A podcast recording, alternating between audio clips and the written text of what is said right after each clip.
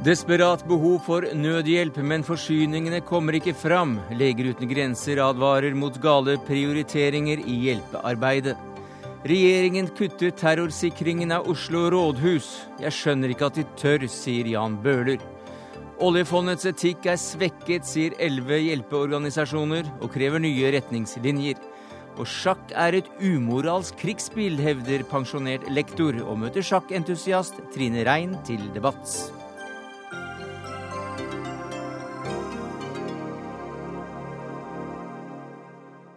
Ja, Det er noen av sakene i Dagsnytt 18 denne tirsdagen, der vi også markerer lederskiftet i Fagforbundet, når den nye kosten kommer feiende, feine inn og overtar etter Jan Davidsen. Men vi begynner på Filippinene, der rapporten om ødeleggelsene strømmer inn, bl.a. Eh, fra deg, NRKs Asia-korrespondent Anders Magnus. Hvordan går det med arbeidet med å få hjelpen fram til eh, dem som trenger det mest? Det går veldig dårlig. Nå skal det sies at det er eh, fryktelig dårlig vær her i dag. Det er kommet en ny regnstorm inn. Eh, og I tillegg så er det jo ekstremt dårlig infrastruktur. Eh, mange av veiene er jo ødelagt pga. trær og telefonstolper som har falt over. Og eh, på sjøen, sjøveien er det heller ikke lett å komme, fordi mange av havnene er jo også ødelagt.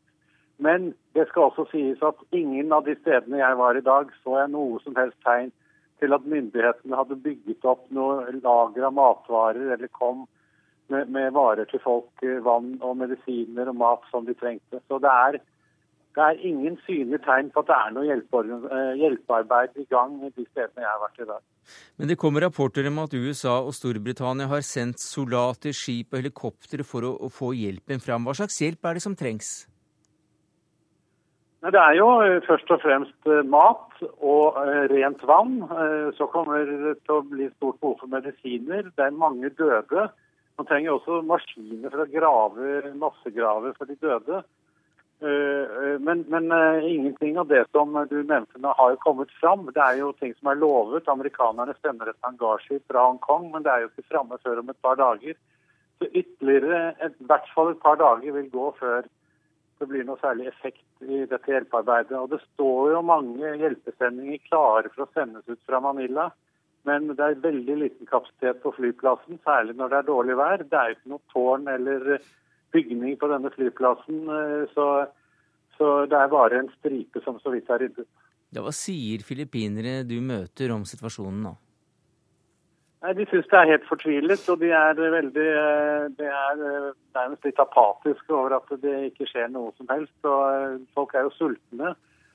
Så, så er på, når jeg kjørte bare noen få mil utenfor denne storbyen Cebu, hvor alt tilsynelatende fungerer bra, så står det altså unger i veien og tigger etter mat med plakater 'Help us, give us food and uh, water'. Så, så det er, de, de satser da tydeligvis på at det skal komme forbi noen utlendinger som har tatt med seg noen varer til det. Takk skal du ha, Anders Magnus på Filippinene. Eh, denne hjelpen som, eh, som, nå skal inn der, den bør jo da eh, være av den riktige sorten. Og Morten Rostrup, som lege i Leger uten grenser, så sier du til Dagbladet i dag at ofte passer ikke hjelpen vi sender. Ja, vi har sett ved andre katastrofesituasjoner, og jeg tenkte da kanskje spesielt på tsunamien, som på sett og vis kan, kan sammenlignes noe med, med, med, hva vi ser i Filippinene nå. At uh, For det første hadde vi det samme problemet, at hjelpen kom, kom veldig sent til. Og eh, at man eh, på forhånd hadde nærmest antatt at det var f.eks. ekstremt behov for, for, kirurgi. Slik at det ble sendt mange feltsykehus, mange kirurger til stedet. De kom faktisk såpass seint til at de fleste som var alvorlig skadet, de var allerede døde. Og de hadde faktisk ikke noe særlig jobb å gjøre.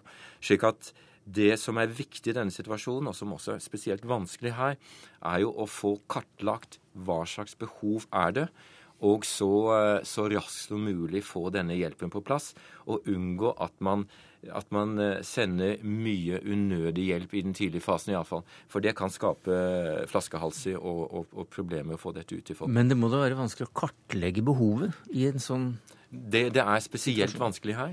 Det, det vi gjør, bl.a. i Leger uten grenser, er å sende ut et, et første team så fort som mulig til katastrofeområdet og eh, prøve å få en oversikt over hvilke behov det er. Og så eh, sender man de neste timene med kan du si, det utstyret som, som trengs. Men her er det vanskelig, som, som eh, Magnus sa. Infrastrukturen er ødelagt, stort sett. Vi må ty til dyre midler her. altså Jeg tenker på helikoptre, bl.a. Mm. Og vi vurderer også å, å faktisk leie skip, hospitalskip for å kunne komme til mange av disse avsidesliggende stedene.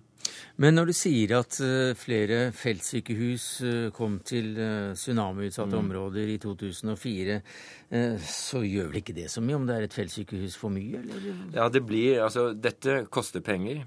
Det er det ene. Det andre er at man flyr inn veldig mye inn på en flyplass som kanskje er presset fra før.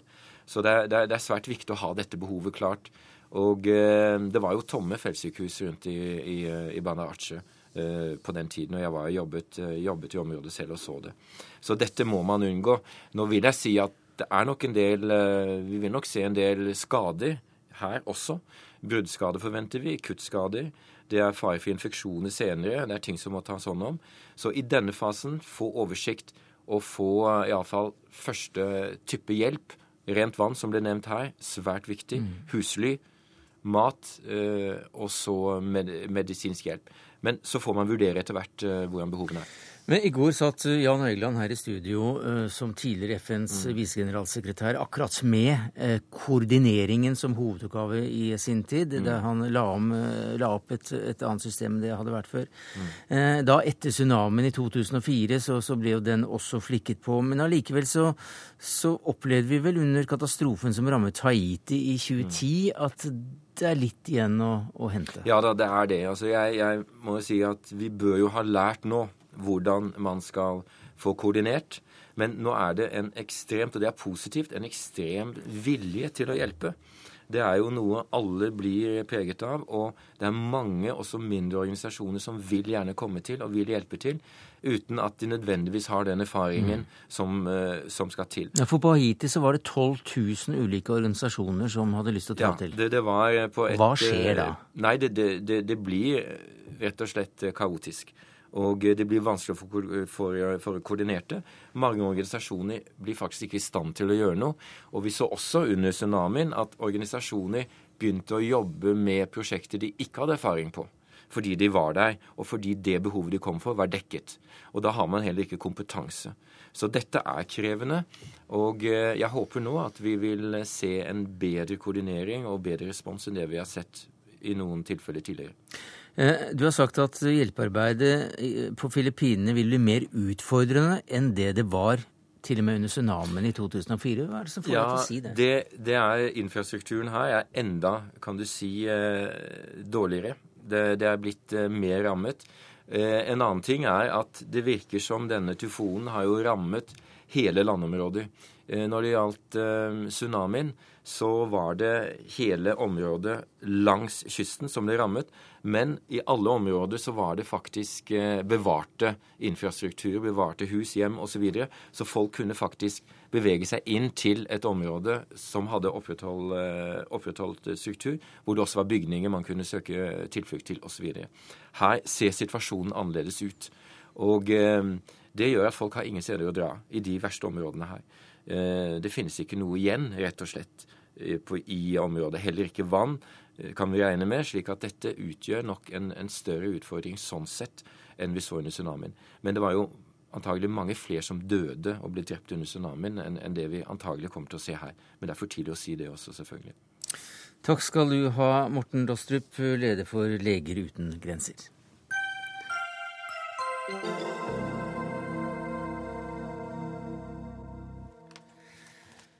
Det skal handle om eh, oljefondets eh, etikk nå. For det bekymrer nemlig elleve humanitære organisasjoner. I en kronikk i Aftenposten spurte bl.a. du, Liv Tørres, eh, generalsekretær i Norsk Folkehjelp, om Siv Jensen vil leve opp til egne uttalelser. Mm. Og hvilke uttalelser er det du da sikter til? Hun var en av de som sto eh, veldig klart fram når de etiske retningslinjene ble vedtatt i sin tid. Først det ble nedsatt en kommisjon for å vurdere hvorvidt vi skulle ha etiske retningslinjer, og så da i å få gjennomslag for de etiske retningslinjene med klare meldinger om at det var helt uakseptabelt å investere våre oljepenger i brudd på menneskerettigheter, store miljøødeleggelser osv. Så, videre. så vi er eh, veldig glad for den innsatsen hun gjorde den gang. Og, og nå er det på tide å, å rydde opp. Ja, Dette er altså tilbake til 2002. Det er elleve år siden. Men eh, hva kan dere forlange at hun skal gjøre i dag, da? Vi sier at i løpet av de årene eh, som disse etiske retningslinjene nå har virket, så har de i praksis utviklet seg egentlig to sett med, med retningslinjer. Eh, vi sliter med manglende åpenhet, vi sliter med å få gjennomslag på konkrete saker. Men, men det viktigste er at det er veldig ofte som å rope i skogen. Altså Vi får ikke svar. Det er total mangel på informasjon både fra Norges Bank, som forvalter én del av de etiske retningslinjene, nemlig den aktive eierskapsutøvelsen. De skal prøve å påvirke selskapene i riktig retning. Mm. Og den delen i Finansdepartementet som som forvalter da eh, beslutningene om å eventuelt trekke seg ut mm. av, av, selskaper. Men uh, fra denne skogen så har vi ikke klart å få Siv Jensen ut, men uh, vi var heldige å få deg, Pål Bjørnstad. Du er statssekretær i Finansdepartementet. Hva sier du til den utfordringen du får her fra elleve ulike ganske store humanitære foreninger? Jeg sier at de etiske retningslinjene er viktig, og å ta fare på menneskerettigheter i dette arbeidet, det er også viktig. Så vi står fast på den mm. uttalelsen som kom fra Siv Jensen. Det som vi nå ser på, eh, er jo om vi kan forbedre dette arbeidet ytterligere. Og Der fikk vi eh, i går en rapport fra Strategirådet eh, som har sett på om vi kan bli bedre på dette området. Og De har kommet med noen anbefalinger om det. Nå skal vi studere det, og så skal vi sende de anbefalingene på høring. Og så skal vi komme med vår anbefaling mm. i en stortingsmelding. Det er vel alt i orden. Ja, Vi har understreket uh, flere punkter som vi mener er kritisk her, og som, som, resulterer i at de etiske retningslinjene undergraves. Det ene er manglende åpenhet. Det andre er at disse to på en måte delene av forvaltningen, Norges Bank på den ene siden og Finansdepartementet, virker som de knapt nok snakker sammen. De er i hvert fall ikke i stand til å redegjøre for at de snakker ordentlig sammen til oss. Og det tredje er at, at uh, det tar ufattelig lang tid før sakene blir behandlet. Altså Det sendes inn saker med krav om uttrekk til eh, Finansdepartementet og Etikkrådet, eller til Norges Bank med krav om at de bistår i å påvirke selskapene i riktig retning. Altså Jeg har eksempler som, altså ja, et utall eksempler, og de ligger i fire-fem år. Og vi får ikke svar. Vi vet ikke hvor de er hen i løypa. Ingenting. Er dette noe man kan eh, se om man kan ordne opp i? Altså, Ja, og det, det, jo, det, er jo derfor eh, man delvis også har satt i gang dette arbeidet med, gjennom Strategirådet, for å se om disse prosessene kan bli bedre. Men når det gjelder sen saksbehandlingstid i Finansdepartementet, så er det, jo, det er jo noe som går på den tidligere regjeringen. Vi har sittet i én måned, så vil nødig ta ansvar for eventuell sen saksbehandlingstid. Men det er også viktig å understreke at dette er veldig kompliserte saker, eh, hvor det er vanskelig å trekke to streker under svaret og si at her er det bare riktig å trekke seg ut, eller ikke riktig mm. å trekke seg ut? Så Vi hører også at uh, den nye regjeringen har lyst til at det skal uh, gå litt raskere enn fire, fem, seks år. Men du er også ute etter altså åpenhet i denne prosessen. Hva slags åpenhet er det du etterlyser? Og vi trenger åpenhet om sakene, hvor de ligger hen, blir de behandlet av hvem, osv. Så, så det, og det er viktig å ha med seg. Så har jeg lyst til å si en ting Et øyeblikk, må bare få et svar på det. Er det, er det noe du kan komme disse elleve organisasjonene i møte med? Eh, altså, det understrekes veldig sterkt også for denne anbefalingene for dette strategirådet eh, at åpenhet er viktig, og det er vi enige om. Så det skal være åpenhet om politikken, om retningslinjene og målene for, det, for dette arbeidet. Men det som sikkert du ønsker, er å ha full åpenhet om hva Norges Bank sier til det enkelte selskap, og hva eh, som tas opp i disse dialogene. Da viser også forskningen som Strategirådet viser til, at det er mindre effektivt. Det er mindre mm. effektivt hvis man faktisk ønsker at selskapene skal endre oppførsel og gjøre dette i offentlighet. Da er det bedre å gjøre det i private rom. Så da er spørsmålet mm. tilbake til deg. Hva er du mest opptatt av her? Er det resultatene for selskapene til å endre oppførsel, eller er det bare åpenhet eh, for åpenhetens vi, egen del? Vi, vi, vil, vi, vi syns jo åpenhet er viktig i seg selv, og det ville vi trodd også at denne regjeringen er opptatt av. Det er altså ikke sånn at åpenhet er ødeleggende her, eh, ut fra de hensynene som, som, som, du nå redegjør for, som ligger i Strategirådets eh, rapport.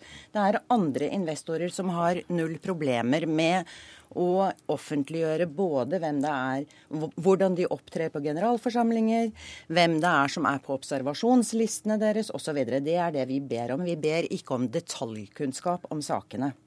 Så det er, altså det er noe minimum som må på plass. Det er det vi er opptatt av. Når det gjelder saksbehandlingstid, så sier vi at det bør ikke gå mer enn seks måneder før sakene på en måte er ferdig behandlet. Det er et stort spenn mellom fem år og, og seks måneder. Hva sier du til seks måneder? Jeg sier at det vil være uforsvarlig å sette den type tidsfrister. Dette er veldig kompliserte saker. Og en beslutning f.eks. om uttrekk kan få store konsekvenser for de selskapene det gjelder. Men det kan også få store konsekvenser for Norge og for uh, pensjonsfondene. Uh, dette er kompliserte utredninger om de enkelte selskap som Finansdepartementet skal ta stilling til. Eh, vi må være sikre på at det ikke er feil i de utredningene. Det kan f.eks. føre til søksmål mot Finansdepartementet, mot, uh, mot, Norges Bank. Så Men, vi må ha en forsvarlig saksbehandling av disse sakene. Og da kan ikke vi love å gjøre det på seks måneder. Bjørn, Men vi skal gjøre det raskt. Bjørnstad, du har flere ganger nevnt dette strategirådet, som har da kommet med noen råd. Og I går kom også, som du nevnte, rapporten fra Strategirådet om ansvarlig investeringspraksis. Og Der foreslår eh, dere, Hegersjo, du er medlem av Strategirådet, å samle hele eierskapsutøvelsen, også myndighetene, til å trekke fondet ut av problemselskaper i Norges Bank. Hvorfor er det en så strålende idé? Vi tror fondet gjennom Norges Bank får større innflytelse og vi tror at det blir en bedre bruk av de ressursene som arbeider med dette i dag. Og Når det gjelder det første, så mener vi at å trekke ut et selskap eh, bør være det siste virkemidlet i en rekke integrerte tiltak. Eh, vi mener Norges Bank har effektive måter å sikre at selskapene innfrir prinsippene på, som kanskje fungerer bedre. Men, det, men eh, mm. la meg avbryte deg litt. For i praksis vil vel det si at det uavhengige Etikkrådet for oljefondet det vil få mindre innflytelse? Ja, Det vi har indikert, er at de ressursene som i dag arbeider med dette i sekretariatet i Etikkrådet, blir integrert i eh, Norges Bank som en del av både analyse og forberedelsen av anbefalinger til en eventuelt ekskludering. Så det forsvinner som en eh, egen, eh, som en egen institusjon, så å si? Etikkrådet i dag gir råd til Finansdepartementet om uttrekk. Og det vi foreslår er at at det er Norges Banks styre som foretar den beslutningen, basert på eh, anbefaling fra eh, Norges Bank. Og vi anbefaler også at styret i banken knytter til seg eksterne råd og kompetanse på linje med mm. det som er eh, i dagens etterpå. Er det et skritt i riktig retning, Liv Tørres? Ja, altså vi, vi, er glad for at Strategirådet påpeker behov for åpenhet og bedre koordinering av disse ulike delene av eierskapsutøvelsen. Vi er også enig i at uttrekk må være siste mulighet. Og Samtidig så, så, er det jo mange av oss som er dypt uenig i at dette skal til, altså legges til, til Norges Bank. For det første, det vi da gjør i så fall, er å fjerne denne type beslutninger lengre unna politikerne. Det er feil. Eh, det legges da til et Eh, mer uavhengige organ, selv om de er under instruksjon fra Finansdepartementet. Men det viktigste er jo også at det er Norges Bank i dette systemet, dagens system, som har utmerka seg med minst åpenhet og minst mm. vilje til å imøtegå våre, våre behov og våre, våre, krav nettopp om informasjon og, og gjennomgang av selskaper. Ja, Som det var nevnt tidligere, så har vi en, del, en rekke anbefalinger som går på hvordan Norges Bank kan eh, øke åpenhet rundt dette med både prinsipper og strategier og prioriteringer som gjøres. Eh, slik at en effektiv rapportering tilbake til Finansdepartementet eh, vil jo både bidra til økt læring, men ikke minst også fungere for å holde Norges Bank ansvarlig for etterlevelse.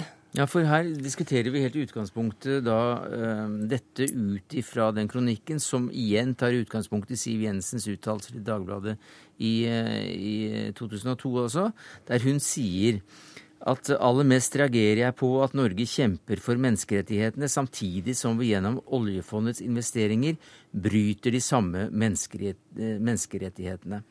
Og hvorfor er det da lurt å samle alt som har med etikkvurderinger inn under Norges Bank sin, sin kappe, Bjørnstad? Ja, nå er ikke den kanskje en rett å spørre akkurat om det, fordi uh, dette er jo da etikk, dette Strategirådets uh, anbefalinger. De som dere ikke har tatt, tatt, stilling til. Så da spør vi heller deg, Dasho. Ja, da må jeg nok en gang si at vi tror at kraften i Norges Bank i å gjennomføre og sikre etterlevelse av disse prinsippene skjer ved å integrere de prinsippene i hvordan man arbeider med eierskapsutøvelse.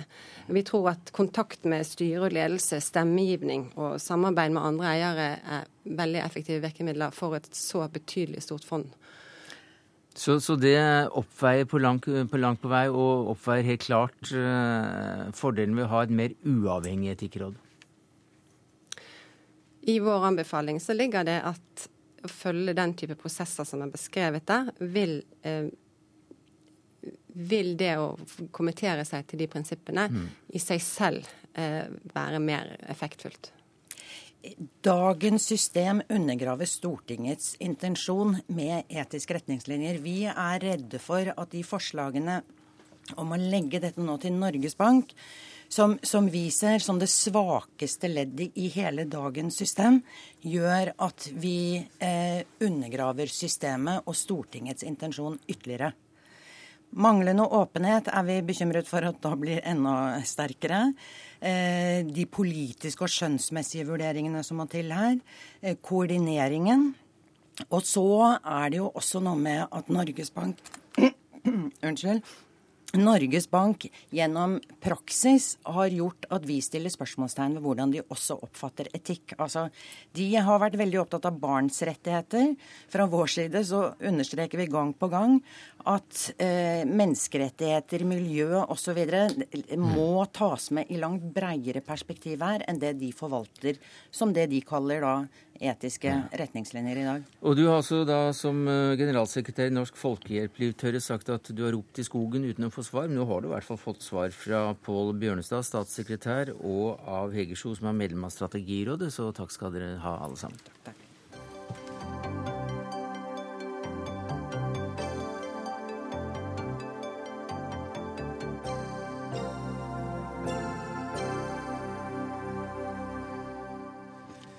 Ja, helt siden 22.07-terroren har planen vært å sikre Oslo tinghøs mot potensielt farlige og bevæpnede personer med en eh, flyplasslignende kontroll med metalldektor og, og gjennomlysning av bagasje.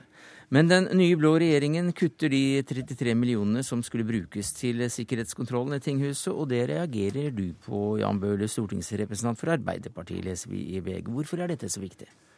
Jo, jeg har hatt kontakt med tinghuset nå i, siden tidlig i 2012 om behov for sikring. Og det er jo åpenbart at uh, det er et av stedene, hvis man ser på hovedstaden, hvor det er risiko for at personer som kan være i ubalanse, personer som kan uh, komme med trusler, som kan uh, utstyre seg med forskjellige gjenstander, kan dukke opp. Og, og, så de som jobber der, altså sorenskriveren og de andre, har jo tatt opp dette nå med meg og på andre måter siste eh, halvannet året. Og eh, endelig så kom jo den rød-grønne regjeringen med den bevilgningen da i det statsbudsjettet som var. Og jeg må si at uh, Høyre og Fremskrittspartiet de har jo vært til de grader pågående i forhold til å si at ikke noe har skjedd siden 22.07. Man har ikke forbedret beredskapen, man har sovet i timen osv. Og, så videre, og anklaget rød-grønne regjering mye for det tidligere. Så jeg trodde den bevilgningen som var sikrest i det budsjettet som lå nå, var bortimot denne her. For det var liksom det siste jeg kunne tenke meg at de ville ta ut. Ja, hvordan henger dette sammen, Anders Werp? Du er nestleder i justiskomiteen og stortingsrepresentant for Høyre. Ja, det er ingen tvil om at Oslo tingrett eh, har et stort sikkerhetsbehov. Eh, det er den eh, desidert største tingretten i Norge, og, og det er spesielle utfordringer her i hovedstaden. Det, det er det ingen tvil om. Eh, fra vår side, fra eh, regjeringspartienes side, så har dette vært en knallhard eh, prioritering. Vi er selvfølgelig, sånn som Jan Bøhler også peker på, veldig opptatt av sikkerheten i samfunnet. Og ved denne korsveien, og på den korte tiden vi hadde til disposisjon med vår tilleggsproposisjon, fra den nye regjeringen, så har vi prioritert politi i denne omgangen. Vi har øket politibevilgningen med 100 millioner kroner. Uh, for derigjennom å, å, vise og synliggjøre mm. at for oss er trygghet i samfunnet viktig. Og det, og det blir en hard prioritering. Ja, altså det er jo fint med mer penger til politiet. Eh, jeg ville jo heller da latt være å gjøre så mye når det gjelder skattelettelser for de som har eh, best råd i samfunnet, og tatt de pengene til politiet derfra. Og beholdt dette eh, tiltaket her, som er grunnleggende når det gjelder sikkerhet. Og jeg mener jo at politiet også bruker så store ressurser nå når det skjer når det er situasjoner i tinghuset hvor de har behov for å rykke ut og sikre huset, så brukes det mye ekstra ressurser fordi man ikke har disse sikkerhetsinstallasjonene i inngangspartiet. Så det er mye også at vinninga går opp i spinninga her ved at du ikke har en løpende sikkerhet uh, i, i, i, tinghuset hele tida. Så jeg, jeg, må si at jeg forstår ikke den argumentasjonen. og, og i det, i de summene man har jobbet med denne gangen nå, så er 33,3 millioner et begrensa beløp. Og det er noe med å ta ut noe man har jobbet for nå i et par års tid for å få på plass. Det syns jeg er skuffende. Mm. Justiskomiteen, eh, da jeg var der og Anders Werp satt der, og vi var jo på besøk i tinghuset hvor vi så hvor feil det blir at dette står åpent på den måten. Så dere har samme virkelighetsforståelse? Ja, det har vi absolutt. Vi er begge opptatt av sikkerhet. Jeg mistenker ikke Jan Bøhler for eh, noe annet. Eh, men jeg, jeg stusser jo over, over, den eh, høye fallhøyden Arbeiderpartiet skaper seg her, og som vi hører også nå i debatten. Fordi da vi skrev merknadene til justisbudsjettet for ett år siden, altså for inneværende år, så står ikke Oslo eh, tingrett nevnt med et ord fra Arbeiderpartiets side med prioritering av sikkerhetstiltak. Og Da hadde dere jo flertall i Stortinget til å gjennomføre det, så ja, altså Dette kom opp på, på vinteren 2011-2012, så det er riktig. Eh, altså, og, og, var et tema utover i fjoråret. Sånn at, eh, sånn at det er riktig at jeg syns det er på høy tid. Altså, jeg syns gjerne det kunne vært gjort før. Men når det nå endelig er blitt gjort, så er det noe med å ta det ut da. Så, så jeg syns Høyre og Frp her, jeg syns Anders Werp argumenterer ærlig. Han sier at det er en knallhard prioritering, og at han er enig i at dette burde vært gjort. Og det er jo litt uh, hyggelig for meg, som har fått mye kjeft fra dem nå i disse åtte årene, da, på at vi ikke har gjort det og det og det. Ja, at de kommer i den samme situasjonen. Du, du bruker de, sånne uttrykk som at de tør. Ja, jeg syns det er rart at de tør. For det er noe med når det er på plass, når pengene er lagt inn, mm. og det nå kunne vært gjennomført, og så gjør man det ikke. Og Da er klart, da lager man en fallhøyde. Han snakker om fallhøyde, men da lager man en fallhøyde hvis det kommer hendelser. Senest i dag var det snakk om bombetrusler eh, mot eh, en annen rett. Og, og, dette vil man kunne håndtere mye bedre hvis du har ordentlige eh, sikkerhetsinstallasjoner på plass.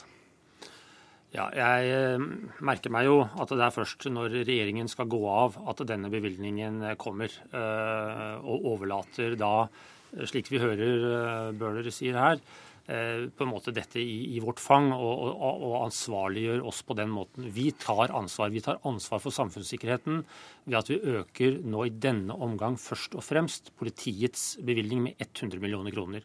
Det får også en ringvirkning for uh, tingretten i Oslo og andre mm. tingretter. Men jeg, jeg, ser her at tingrettens øverste leder, sorenskriver Geir Engebretsen, er veldig bekymret. Og domstolsadministrasjonen selv er overrasket over dette budsjettkuttet? Ja, det har jeg også merket meg. Og jeg har avtalt allerede et møte med sorenskriveren i Oslo senere i denne uken for å ha en prat eh, med han om denne situasjonen.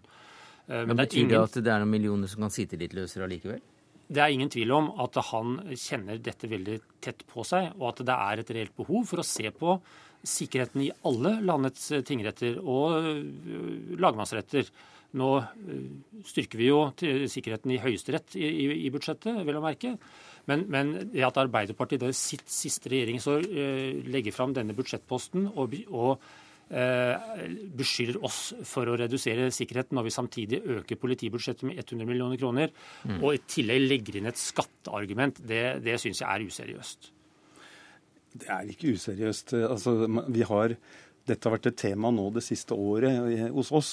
Og så kommer det i det første budsjettet hvor regjeringen har fått eh, ordentlig press på seg for å få denne saken opp, og vi besøkte dem i fjor osv.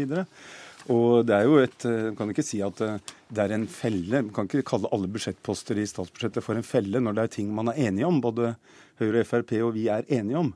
Sånn at eh, Det blir søkt synes jeg, å kalle dette her en felle. og det er ikke, altså Når man har prioritert f.eks. å gå mye lenger i lettelser i formuesskatten enn det vi har eh, gjort i vårt statsbudsjettforslag, så gjør man en prioritering mm. når man velger å gjøre det, istedenfor f.eks. å beholde pengene til, til mm til å sikre mm, tingretten i Oslo. Men eh, staten har altså ikke, eller regjeringen har altså ikke vedtatt, eller Stortinget har ikke vedtatt noe statsbudsjett ennå. Forhandlingene er på andre dagen nå og må sluttføres i hvert fall før 20.11. Enn så lenge takk skal du ha, Jan Bøhler, stortingsrepresentant for Arbeiderpartiet. Anders Werp, stortingsrepresentant for Høyre. Hør Dagsnytt 18 når du vil, på nettradio eller som podkast. nrk.no – dagsnytt 18.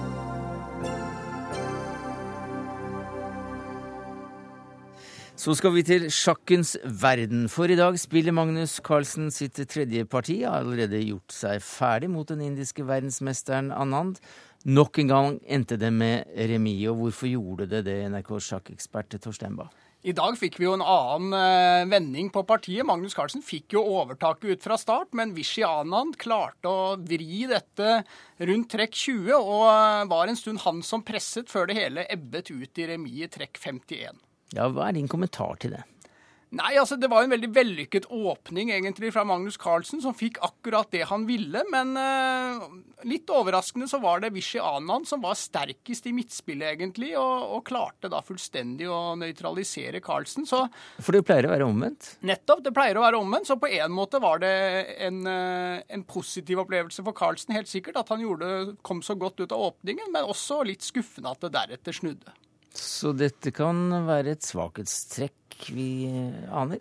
Jeg vet ikke. Egentlig velger jeg å se positivt på det. Det var jo antatt på forhånd at åpningen ville være akilleshælen for Magnus Carlsen. Nå har han egentlig fått overtak i to av tre partier i åpningen, så hvis han klarer å holde på det videre også, så er det gode utsikter for seier i denne matchen. Men er det nå slik da at uh, Annan, som, som, nå skal uh, ha første, førstetrekket, han spiller med hvitt uh, neste gang, har han nå da en fordel, siden det er tre remis på rad? Det er klart, Den fordelen Anand har, er jo at han har igjen ett parti mer med hvit nå. Magnus Carlsen har jo brukt opp to av sine seks hvitpartier nå, så i morgen er det igjen Anand da som har denne fordelen og har uh, mulighet til å presse litt hardere for seier da. Men er det overraskende at, det er kommet tre remis på rad i åpningspartiene? Nei, det vil jeg ikke si. Det som var overraskende, var at vi fikk to så raske remier til å begynne med at man nesten ikke kom ut av startblokkene før det ble fram og tilbake og, og trekkgjentagelse og remis. Men eh, tre remier er ganske normalt, egentlig, og det så vi tilsvarende i forrige VM-match også, og i mange kamper før det.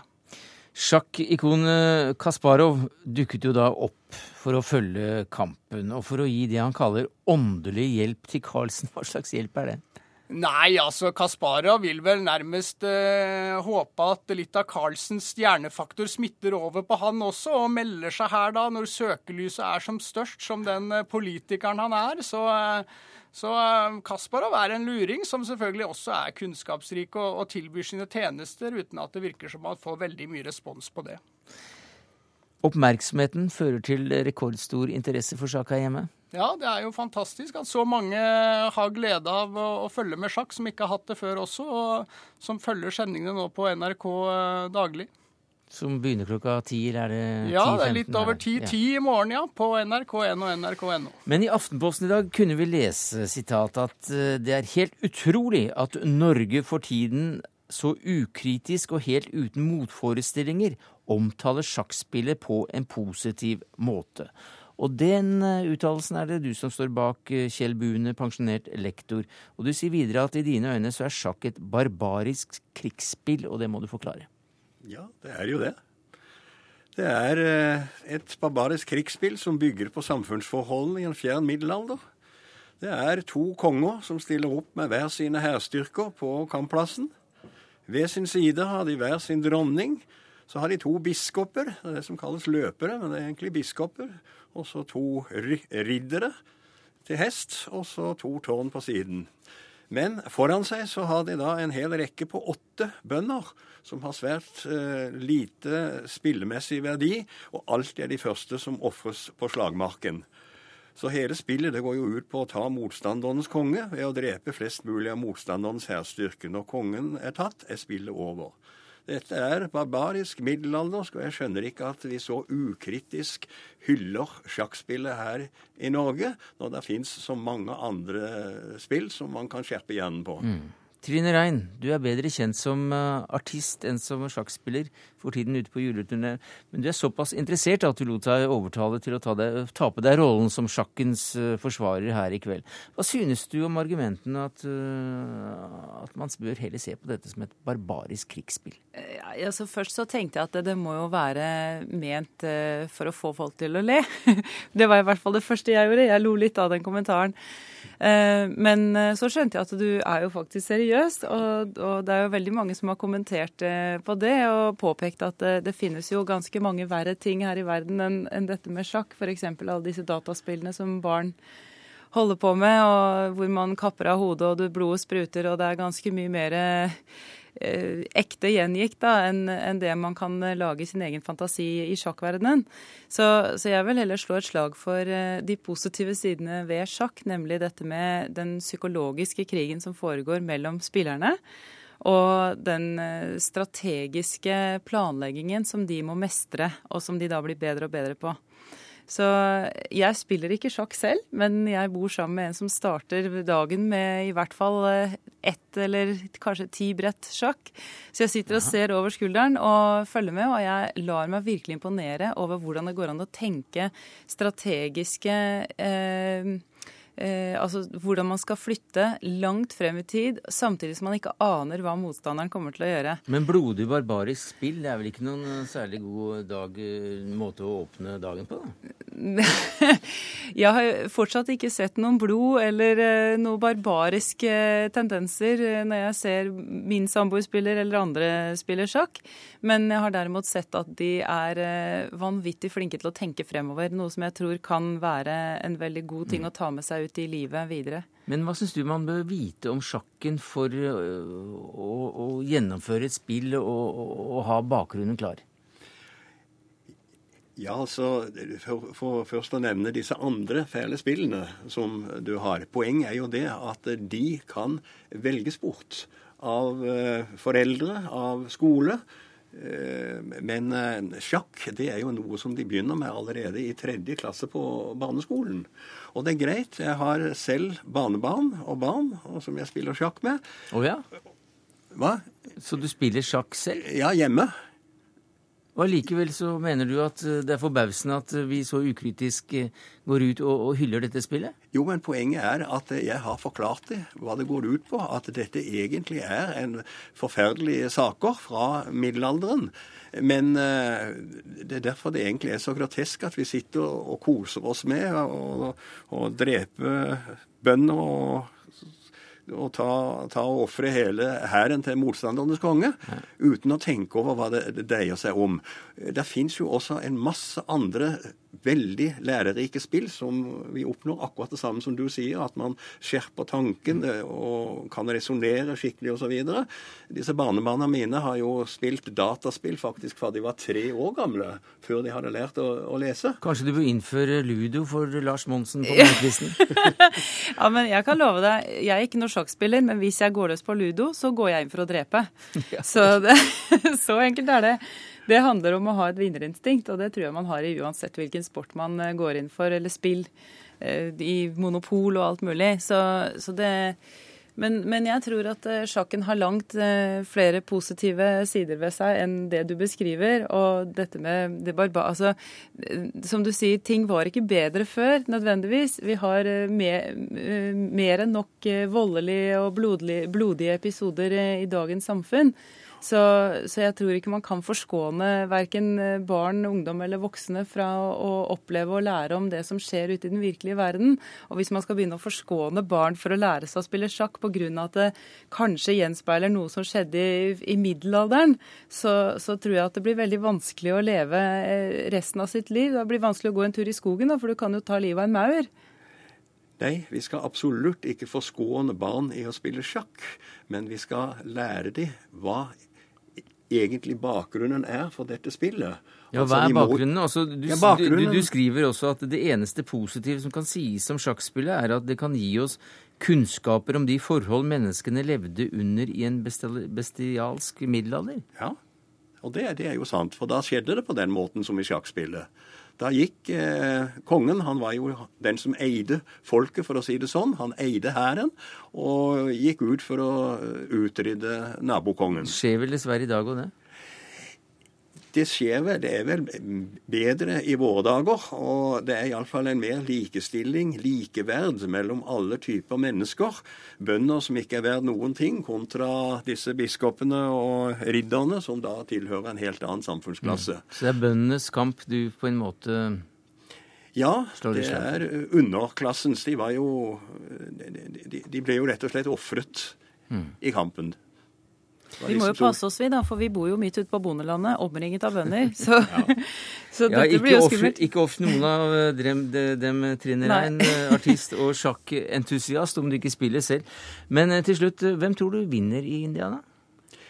Du, eh, jeg tror, Er det litt spennende? Nei, jeg tror faktisk det er han som opprinnelig var verdensmester. Altså, hvis jeg tror her i Norge at um, ski og skøyter det er verdensidrettene, i virkeligheten så er det jo fotball, og det er cricket, og det er nettopp sjakk. Mm. Og uh, han har vel tross alt større rutine, han uh, indiske motstanderen. vår. også? Ja. Jeg heier på Carlsen, jeg. Selvfølgelig heier jeg på han også. Bevares. For det er spennende, spennende spill. Ja. Ja. Nettopp. Torstein Ba Bae var innom og fortalte om situasjonen i India. Kjell Bune, pensjonert lektor, fortalte om eh, bestialitetens historie bak nettopp spillet. Og Trine Rein, artist og sjakkentusiast, forsvarte dere. Takk skal dere ha.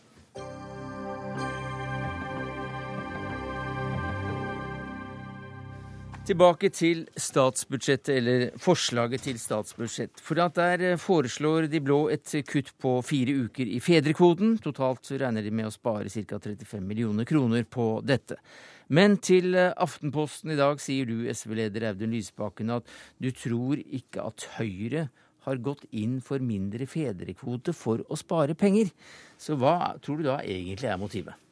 Dette er jo ideologi, men det som er veldig eh, interessant med budsjettet, er jo at eh, vi som eh, er forsvarere av fedrekvoten og den foreldrepermisjonsordningen som SV og de rød-grønne fikk på plass, vi har jo i årevis nå blitt møtt fra Fremskrittspartiet og Høyre med argumentasjon om at det egentlig ikke spilte noen rolle om vi hadde denne kvoten. Fordi norske menn hadde jo kommet så langt at fedre kom til å ta ut like mye permisjon også om vi ikke hadde en kvote. Og, og hvor finner du da den eh, dobbeltheten, eller at vi snakker med to ved- tunger? Ved første eh, anledning til å gjøre noe med systemet, så budsjetterer altså Høyre- og Fremskrittsparti-regjeringen sjøl med at å, bygge ned fedrekvoten med fire uker sparer staten for penger.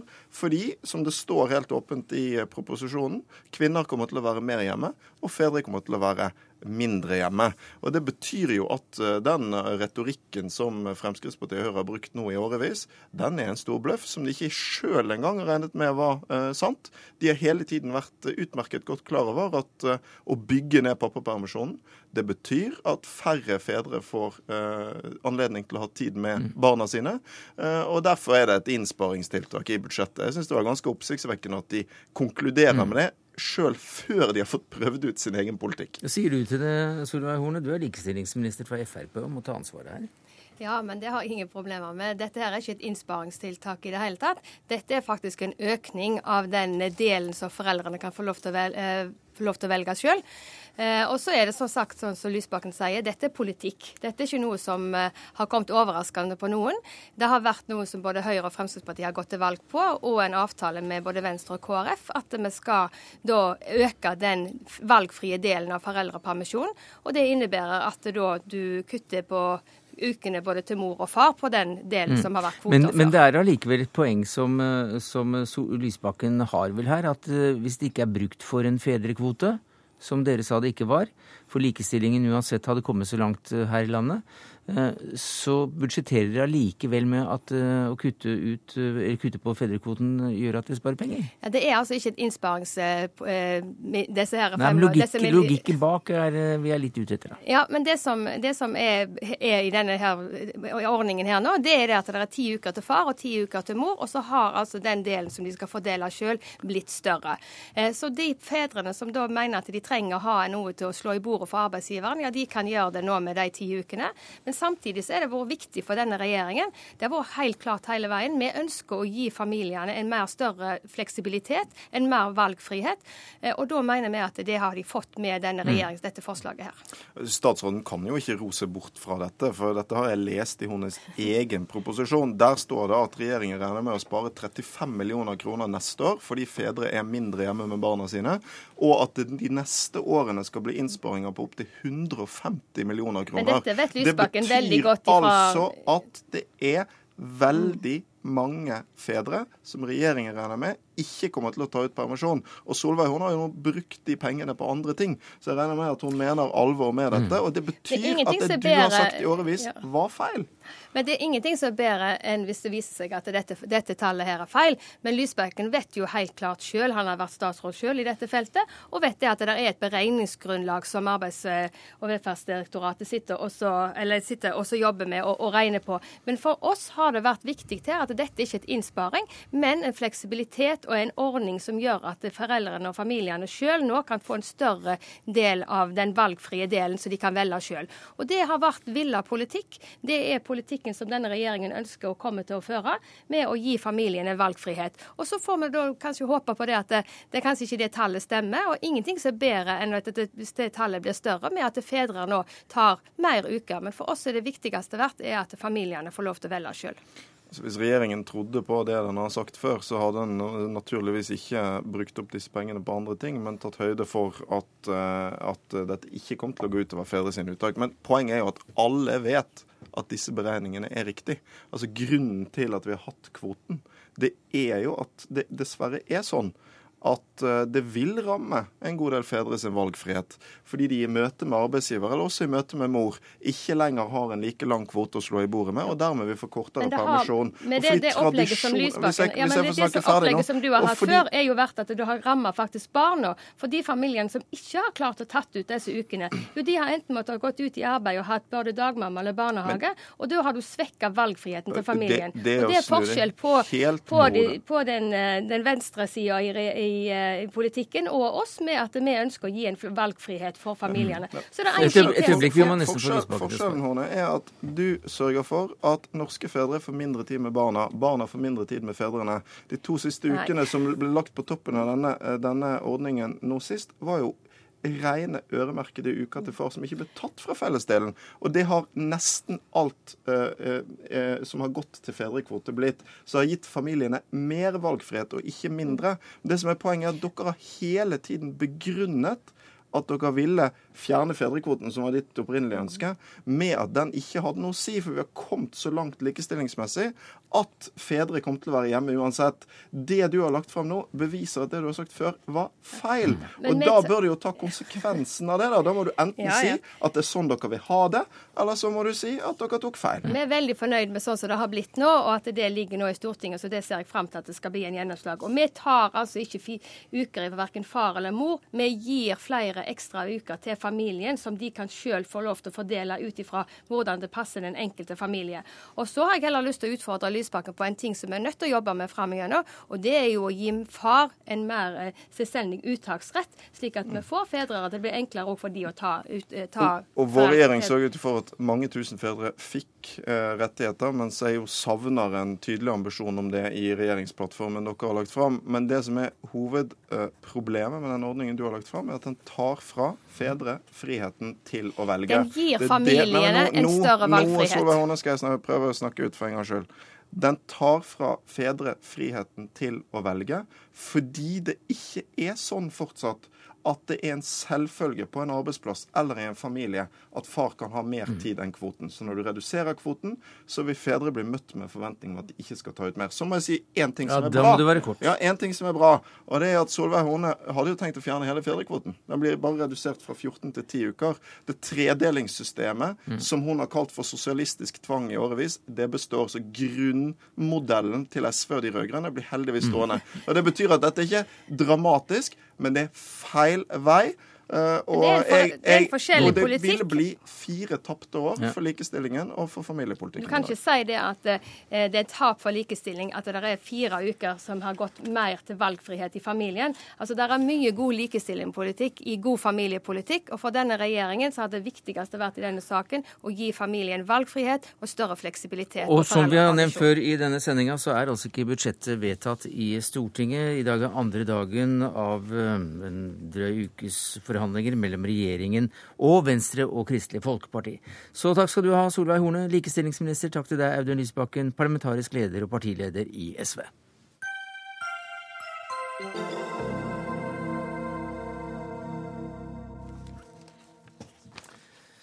Velkommen, Mette Nord, og gratulerer med ny jobb. Tusen takk. For noen minutter siden ble du valgt til Fagforbundets nye leder med en portefølje på vel 330 000 medlemmer. Og hvordan vil eh, disse merke at det er du som har kommet inn som en ny kost fra Porsgrunn? Først og fremst så skal jeg fortsette det gode arbeidet som eh, Fagforbundet har gjort, eh, og som Jan har leda siden Fagforbundet blei etablert. Eh, Så er det jo landsmøtet nå som utformer eh, politikken for neste fireårsperiode. Og det er jo det det nye arbeidsutvalget og den nye ledelsen skal jobbe videre med. Men vi skal altså utvikle Fagforbundet, organisasjonen, eh, videre. Vi skal sikre at de tillitsvalgte får, har den kompetansen de trenger for å møte de lokale utfordringene og ivareta medlemmene våre. Og så tror jeg vi også skal eh, videreutvikle det faglig-politiske samarbeidet og alliansebygging, som også har vært en sak som eh, Fagforbundet har jobba med. Så, Allianse med hvem da? Nei, Det er både politiske partier som har samme, samme ståsted som vi, og som ønsker eh, eh, stå for de samme verdiene. Eh, men det er også eh, allianse med andre Mm. organisasjoner, lag, foreninger, eh, utafor de politiske partiene. Jeg nevnte Senterpartiet selvfølgelig Ja. fordi Jan Davidsen jo ble kjent for å knytte bånd akkurat i den retning, noe som ga et grunnlag som senere ble kalt for den rød-grønne regjeringen. Men du skal også da lede et forbund hvorav fire av fem medlemmer er kvinner, så det var kanskje på tide å få en kvinne helt øverst. Ja, Det er jo eh, jeg et symbol i det, men eh, vi får jo håpe at det er eh, også andre ting enn at man også bare er, er kvinne. Men, men også de, den politikken jeg står for, den organisasjonskunnskapen jeg har, som, og den evnen jeg også har til eh, å motivere og bygge bru. Du har nevnt eh, litt generelle eh, forhåpninger for framtiden og hva du har tenkt å gjøre, alliansebygging etc. Men hvis vi går til enkeltsaker, hva blir de viktigste enkeltsakene for dere nå Det viktigste så er jo at vi skal ivareta medlemmenes interesser opp i forhold til både arbeidslivet, men også samfunnsutviklingen. Ja, hvilket- Og da- hvilke enkeltsaker ja, og da er det da er det som du peker på? som Vi har jo fått varsla noen signaler fra den nye regjeringa eh, om at man ønsker å myke opp, som det heter, arbeidstidsordningene og arbeidsmiljølovens bestemmelser. Og det er klart det er jo en viktig sak for våre medlemmer som de vil merke direkte. Så når du kommer inn som eh, sjef, så har også Norge fått ny regjering, og det eh, ditt forbund nye utfordringer. Vi får nye utfordringer, og så vil det jo Vi ønsker jo ikke bare å på en måte være eh, eh, følge samfunnsutviklingen. Vi ønsker jo også å eh, sette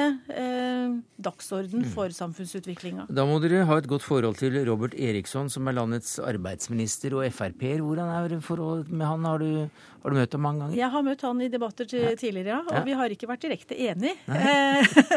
Eh, Men det er klart vi må forholde oss til eh, den sittende regjering. Mm. Og så må vi jo se hvordan det eh, utvikler seg. Og så vil vi jo selvfølgelig til enhver tid bygge allianser for å sikre våre Mm. medlemmers interesser. Stein Aabe, du er kommentator i Dagbladet. Hva slags jobb er det Nora har påtatt seg? Ja, det er Hun skal utøve makt etter Davidsen. Og det er litt som å hoppe etter Wirkola. For han er jo blitt kjent for å ha utøvd den makten som hans forbund har gitt han, og de allianser han har bygget opp, har gitt forbundet og venstresida. Gjennom Davidsens lederskap så, så er jo først Kommuneforbundet og så Fagforbundet blitt eh, venstresidas eh, tyngste organisasjon på mange måter, med så stort medlemstall. Eh, med så mange konkrete saker som de, eh, som de slåss for. Enten eh, regjeringen ledes av Stoltenberg eller av Solberg. Så det, det er ingen lett jobb Meteor mm. har overtatt. Fordi det krever også et uh, kløktig uh, spill i en litt vanskelig manesje for å få til tingene sånn som hennes medlemmer ønsker. Jeg leser i, i, Dagbladet i dag at du skriver at det er, ikke, det, det er ikke få seire som eh, Davidsen har vært veldig sentral i å, å, å, få som skalper i, i, beltet sitt. og du, du begynner vel å, med å nevne 1994 og allerede da uh, seieren i, i, kampen mot EU som, som de, de, førte. Um, hvilke andre er det ja, det er, altså, han, eh, han, har vel fått på plass en rød-grønn regjering. Uten eh, Fagforbundets eh, støtte og medvirkning så ville neppe det vært mulig. Mm.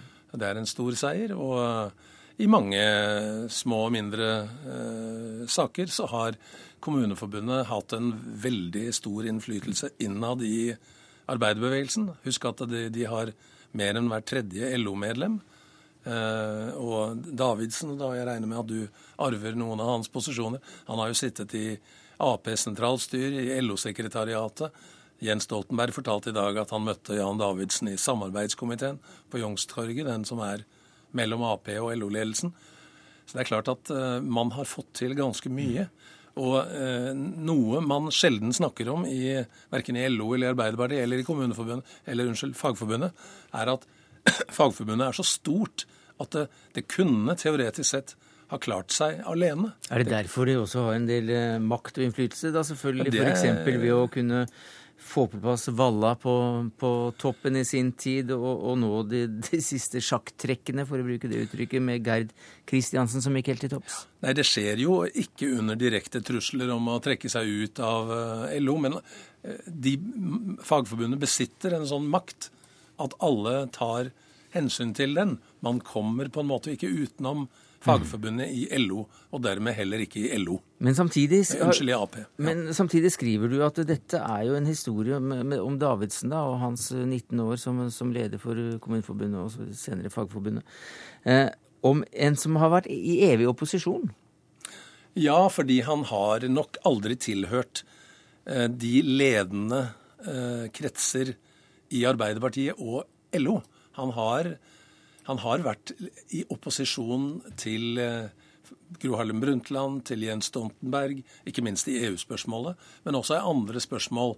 Eh, og eh, LO-ledere har måttet ta hensyn til Davidsen når han har da markert motstand mot en eller annen retning i en eller annen prosess. Så, han, så jeg vil si han har vært en, i evig opposisjon i den forstand at han av og til, eller under Arbeiderpartiregimer, så har han vært i konstruktiv opposisjon til, mm. til Arbeiderpartiledelsen. Og under nå vil han bli den eh, kanskje viktigste motstanderen for Erna Solberg og Robert Eriksson. Unnskyld, du vil bli det. Mette Nord blir det. Ja, Mette det er Mette Nord som er den nye ja. kvinnen, men, men, ikke foreløpig. Det er først på fredag. Først på fredag. Ja, så ordene har du for så vidt i behold fire dager til. Men uh, Mette Nord, du satt jo også da som statssekretær uh, et års tid nå uh, med, med, Stoltenberg som, som, sjef på hans kontor. hva gir det deg av ballast når du nå skal lede det største forbundet? Nei, det gir jo selvfølgelig en god erfaring å ta med seg. fordi den kunnskapen og innsikten, den vil være viktig eh, framover. Den skal brukes med eh, kløkt og forstand. Eh, og det er jo viktig at, man, eh, at jeg eh, også nå eh, får med meg de andre som vi nå har fått valgt i arbeidsutvalget, eh, og at vi blir et godt team, utfyller hverandre, og så skal vi eh, bruke eh, den innsikten, det nettverket som man også har. Altså Man har jo blitt kjent med viktige eh, folk både i Stortinget og andre steder, som er viktig å ha med seg i det arbeidet som Fagforbundet skal gjøre mm. framover. Vi har 40 sekunder igjen av sendinga vår. Vi har akkurat hørt hva Davidsen blir husket for. Hva tror du at du vil bli husket for hvis du gjør jobben din godt? Det vil jeg ikke spekulere i nå. Jeg skal, hva har du lyst til å bli husket har, jeg, Det å bli huska for noe. Men det jeg skal i hvert fall gjøre, jeg skal gjøre mitt for at medlemmene våre mm. eh, skal ha en trygg framtid eh, framover. Eh, og så får vi se hva det blir. Takk skal du ha, Mette Nord, nyvalgt eh, leder av Fagforbundet. Takk skal du ha, Stein Aabø, kommentator i Dagbladet. Det var det vi rakk i Dagsnytt 18 denne tirsdagen. Ansvarlig for det hele var Siri Hytten. Teknisk ansvar hadde Karl Johan Rimstad. Jeg heter Sverre Tom Radøy.